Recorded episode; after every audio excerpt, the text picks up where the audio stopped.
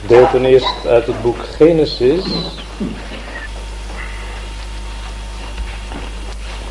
Uit Genesis 16. Genesis 16 vers 7. Ontmoeting tussen de Heere en Hagar. de engel des Heren trof haar aan bij een waterbron in de woestijn.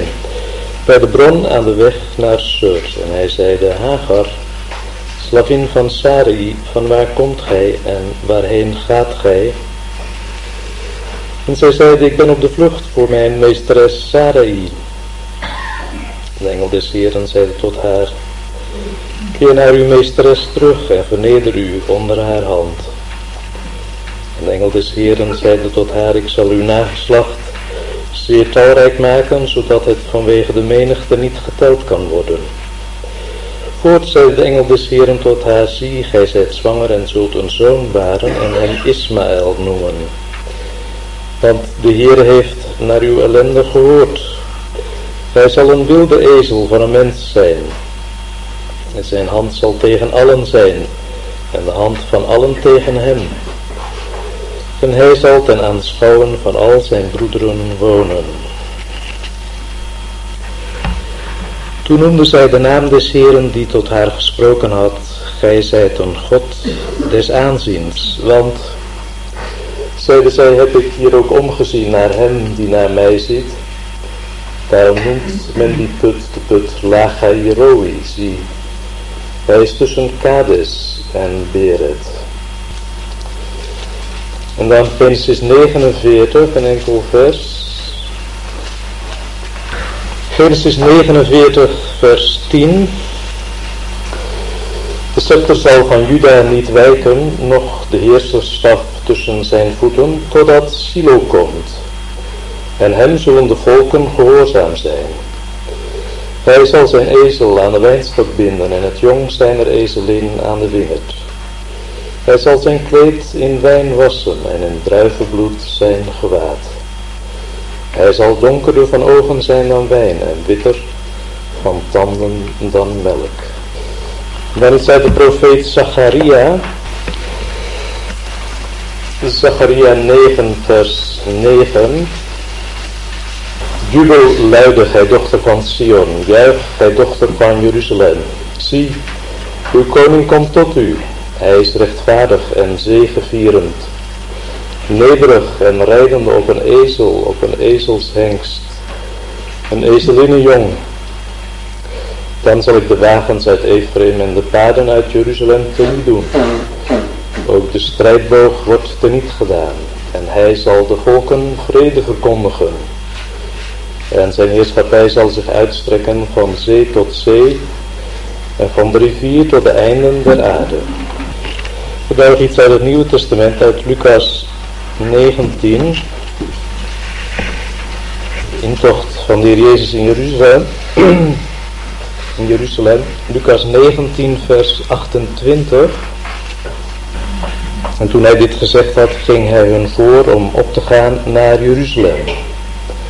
En het gebeurde toen hij Betfage en Betanië naderde bij de berg, Olijfberg geheten, dat hij twee van zijn discipelen uitzond en zei, gaat naar het tegenovergelegen dorp waar u, als u erin gaat, een veulen vastgebonden zult vinden waarop geen mens ooit heeft gezeten. En maakt het los en brengt het. En als iemand u vraagt waarom maakt u het los, dan moet u al dus zeggen, de Heer heeft het nodig.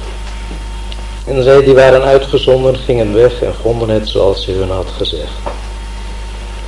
Toen zij nu het veulen losmaakten, zeiden de eigenaars ervan tot hen, waarom maakt u het veulen los? En zij nu zeiden, de Heer heeft het nodig. En ze brachten het naar Jezus, en na hun kleren op het veulen geworpen te hebben, zetten zij Jezus daarop. Terwijl hij nu voortging, spreidden zij hun kleren uit op de weg. Toen hij nu de helling van de olijfberg al naderde, begon de hele massa van de discipelen met blijdschap God te prijzen, met luider stem voor alle krachtige daden die ze hadden gezien. En zeiden, gezegend, hij die komt, de koning, in de naam van de Heer. In de hemel vrede en heerlijkheid in de hoogste hemelen. En dan nog iets uit het Oude Testament, uit het boek Exodus. Uit Exodus 13.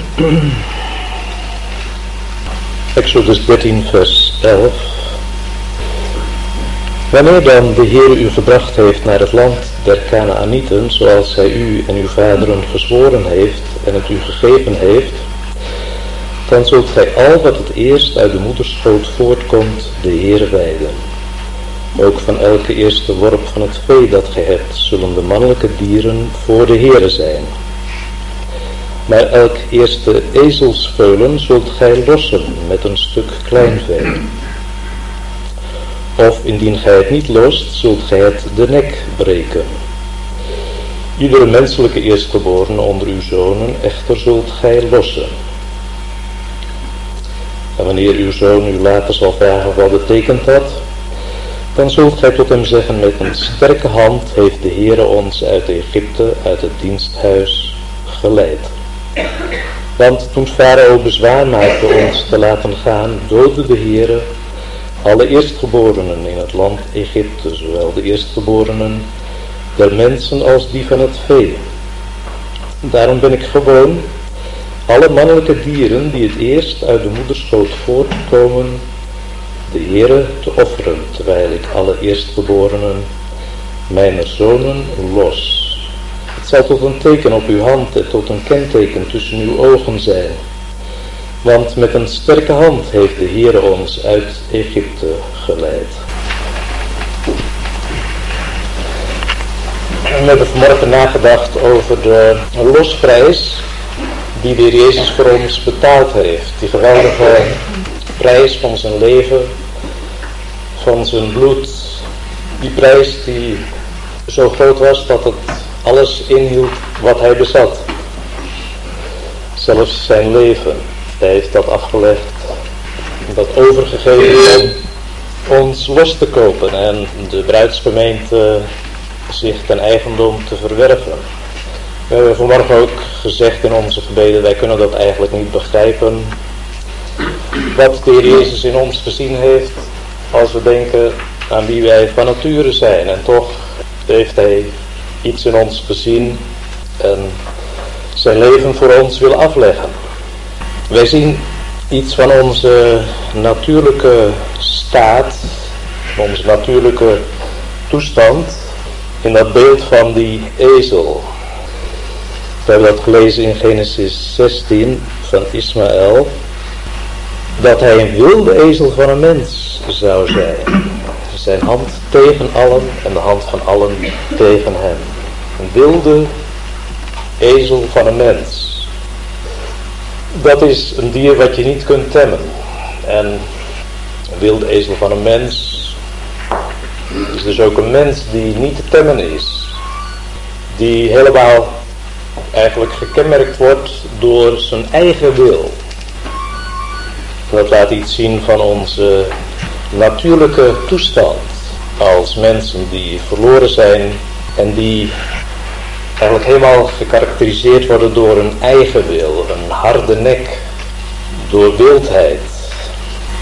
En we hebben in Exodus 13 gelezen dat, die, dat zo'n ezel eigenlijk een dier was wat de Heer niet kon gebruiken. Er waren allerlei dieren die voor de Heer waren. Eerstgeboren dieren en die dan geofferd moesten worden op het altaar. Denk maar aan schapen en runderen en geiten. Die konden allemaal geofferd worden op het altaar. Dat was wel behagelijk voor de Heere God. Maar met zo'n ezel, daar was eigenlijk niets mee te beginnen. Die wilde ezel, die wachtte de dood. We hebben dat gelezen in Exodus 13. Als zo'n ezel niet gelost werd, dan zult gij het de nek breken. Exodus 13, vers 13. Die stijve, die harde nek, die eigen wil, die spreekt van eigen wil, die moest gebroken worden. Het oordeel van de dood. En dat zegt ook iets over onszelf, hoe wij zijn van nature. Wij lagen onder de dood. Maar gelukkig, het was ook mogelijk om zo'n eerste ezelsveulen te lossen met een stuk kleinvee. En het is heel opmerkelijk dat deze, dit onderdeel van de wetgeving staat in Exodus 13, waar het gaat om de uittocht uit het land Egypte. Het verband van die hoofdstukken, de instelling van het Pascha en dan de uittocht. Alle eerstgeborenen in het land Egypte waren gestorven. Ook alle eerstgeboren, eerstgeborenen van het vee waren getroffen door het oordeel. Maar voor het volk Israël was er verlossing. En dat volk werd uitgeleid uit het diensthuis uit Egypte, het land van de slavernij. En de Heer had recht op al die eerstgeborenen van de Israëlieten, ook al die eerstgeborenen van het vee. En zelfs voor die ezelsveulen die eigenlijk ja, niet zwaard waren, die de Heere God ook niet aangenaam waren, zelfs voor die dieren was toch een mogelijkheid tot lossing. Terwijl ze eigenlijk onder het oordeel van de dood lagen, zouden we kunnen zeggen, geeft hier de Heer in die wetgeving in verband met de uittocht uit Egypte deze regel. Indien gij elk eerste ezelsveulen zult gij lossen met een stuk kleinvee. Dan werd er een geit of een schaap genomen en dat werd dan geofferd in plaats van dat ezelsveulen.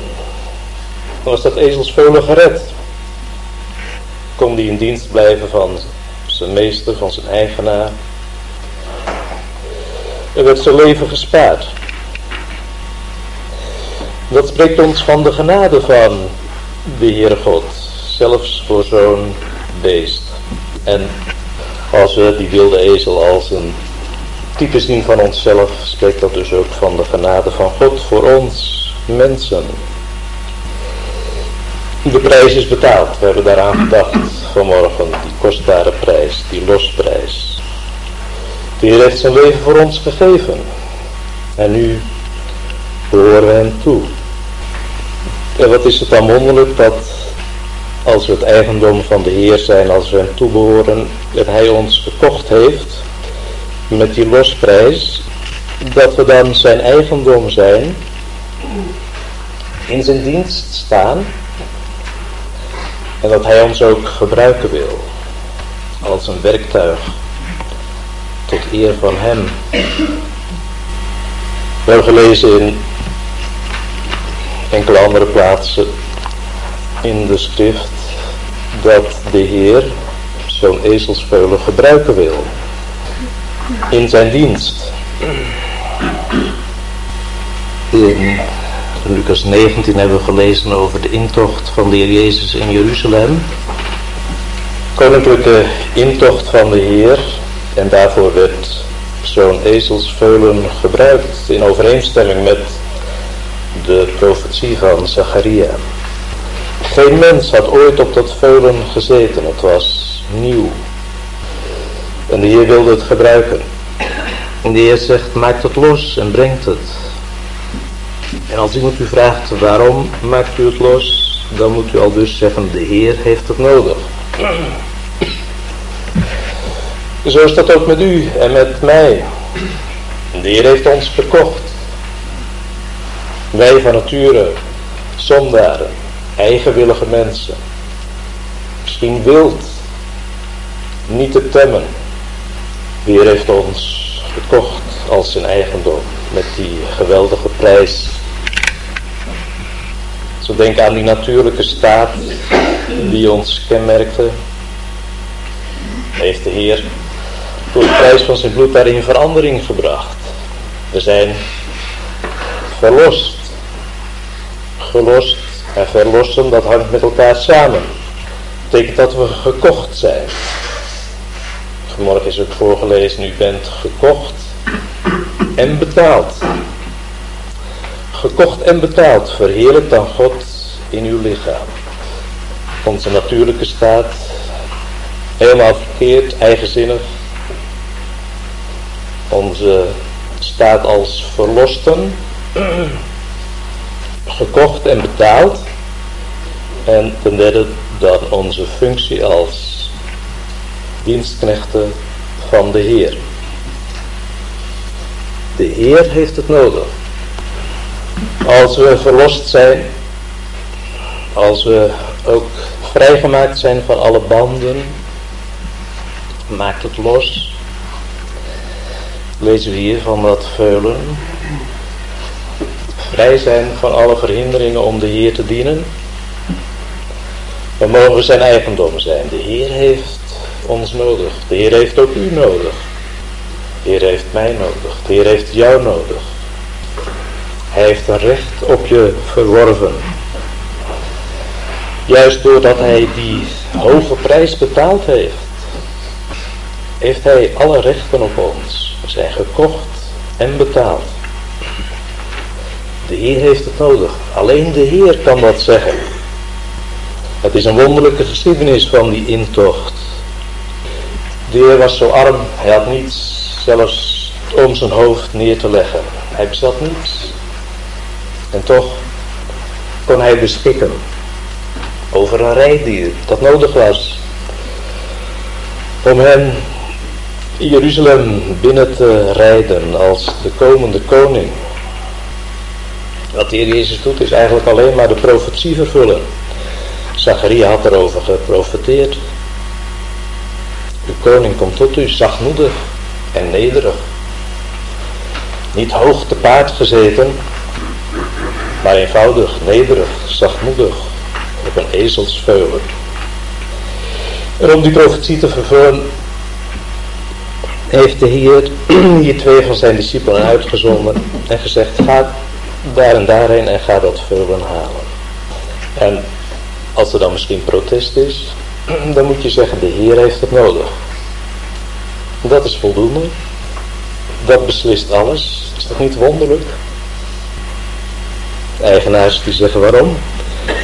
Maakt u dat veulen los, het was nog nooit gebruikt als een rijdier. Zij nu zeiden, de Heer heeft het nodig. Zo eenvoudig. Maar zo is dat ook met ons. De Heer heeft ons nodig. Laten we daar eens over nadenken. Waarvoor de Heer ons gebruiken wil. Hier is dit rijdier nodig. Dat misschien ook gelost was. Waarvoor misschien ook een prijs betaald was. In elk geval was het losgemaakt van alle banden. Het was geschikt om de Heer te dienen. Dat rijdier was nodig om de Heer Jezus te dragen, om Hem te vervoeren, om Hem de stad van God binnen te dragen. Na een op het veulen geworpen te hebben, zetten de discipelen Jezus daarop. En zo begon die triomfantelijke intocht in Jeruzalem, de stad van de grote koning. En denkt u dat de Heer Jezus ons ook niet zou willen gebruiken om Hem te verheerlijken, om Hem te dragen door deze wereld, om iets van Hem te laten zien?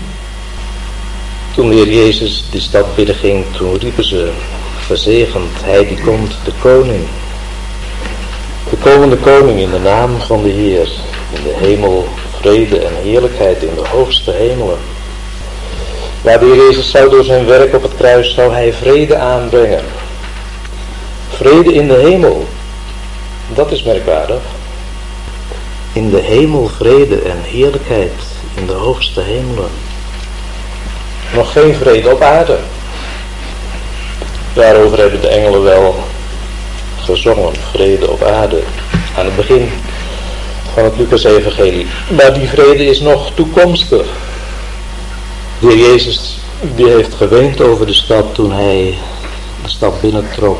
Hij heeft gezegd, Och, mocht op deze uw dag ook u erkennen wat tot uw vrede dient, vers 42.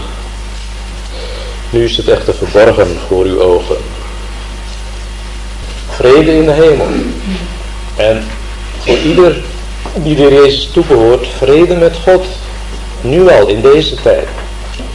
En straks, als hij opnieuw zal komen, ook vrede op aarde. Maar in geestelijke zin toegepast mogen wij in deze wereld, waar de Jezus nu nog verworpen is, Hem toch vertonen. Hem binnenvoeren, Hem dragen. Hem de plaats geven die Hem toekomt.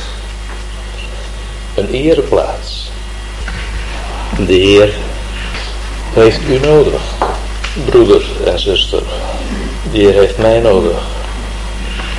Om Hem te verheerlijken, nu al hier op aarde. Ik herinner me dat ik eens een bijbeltje gezien heb van een, een jongen uit de vergadering, niet hier te plaatsen. Dat is al lang geleden. Maar voorin dat bijbeltje, dat zag ik een keer, was die tekst geschreven uit Lucas 19. De Heer heeft het nodig, of de Heer heeft hem nodig. Iets dergelijks was er van gemaakt. Dat bijbeltje was aan de jongen gegeven, misschien toen hij de zondagschool afgemaakt had of bij een andere gelegenheid. Telkens als die jongen dat bijbeltje opende, dan kon hij die tekst zien. De Heer heeft jou nodig. Het heeft indruk op gemaakt. Het is met de jongen niet zo goed afgelopen. Ik weet ook niet zeker of die behouden is. Laten we het. Hij is ook door een ongeluk omgekomen en het is niet helemaal zeker of die al niet de Heer toebehoren. Dat is ernstig. We hopen en bidden dat het wel het geval was, maar het zou inderdaad zo fijn geweest zijn als ook die jongeman in zijn leven had laten zien dat hij de Heer Jezus toebehoorde. En dat hij begeerde om de Heer te dienen en Hem te verheerlijken. Laten we met de voornemen van het hart de Heer dienen. Want Hij heeft ook ons nodig. Voor ieder van ons heeft Hij een taak te verrichten. En straks zal dat moment komen dat Heer Jezus terugkomt. We hebben daarvan gezongen. Heer Jezus, kom. Hij zal voor zijn gemeente komen in de lucht om zijn verloste bruid tot zich te nemen in de hemel, in hemels zalen. Daar wordt volmaakt uw dank gebracht, o lam voor ons geslacht. Maar de Jezus zal ook letterlijk uit de hemel terugkomen met de gemeente en hij zal hier op aarde staan. Zijn voeten zullen op de olijfberg staan en hij zal opnieuw ook zijn intocht doen in Jeruzalem. Hij heeft dat gezegd. Jullie zullen mij niet meer zien. Totdat je zult zeggen, gezegend hij die komt in de naam des Heren. Dan zullen die woorden opnieuw klinken in Jeruzalem. Die woorden die toen geklonken hebben. Bijna 2000 jaar geleden. Gezegend hij de koning die komt in de naam des Heren. En dan zal die profetie van Zacharia weer opnieuw in vervulling gaan. Die koning komt tot u, zachtmoedig, gezeten op een ezel, het veulen van een ezelin. En daarover spreekt ook die profetie in Genesis 49 die we gelezen hebben. De laatste woorden van Jacob, Genesis 49, vers 10 en 11. Daar vinden we die ezel weer terug als drager van de Heer Jezus. Hij is de machtige heerser. De scepter zal van Jude niet wijken. Nog de eerste staf tussen zijn voeten totdat Silo komt. Silo dat is de rustaanbrenger. Een beeld van een naam die spreekt van de Heer Jezus als de grote Salomo, de vredevorst. En hem zullen de volken gehoorzaam zijn. Daar zal dus een tijd van zegen komen straks bij de wederkomst van de Heer Jezus hier voor zijn volk Israël. En de volken zullen hem ook dienen. Hem zullen de volken gehoorzaam zijn. Niet alleen zijn eigen volk Israël zal hem erkennen als de Messias, maar ook de volken, de volkerenwereld zal zich buigen voor hem. Voor die vredevorst die zal regeren, zoals we dat in Zechariah 9 gelezen hebben, van zee tot zee. Hij zal de volken vrede verkondigen. We hebben die vrede weer. Vrede op aarde. En zijn heerschappij zal zich uitstrekken van zee tot zee en van de rivier tot de einden der aarde. Alle knie zal zich voor hem buigen. En als gelovigen zijn wij nu al gehoorzaam aan hem. Als gelovigen uit de volken. Apostel Paulus, we lezen dat in de Romeinenbrief, die was uitgezonden om de volken tot geloofsgehoorzaamheid te brengen. Geloofsgehoorzaamheid. Dat is wat ons kenmerkt als gelovigen uit de volken.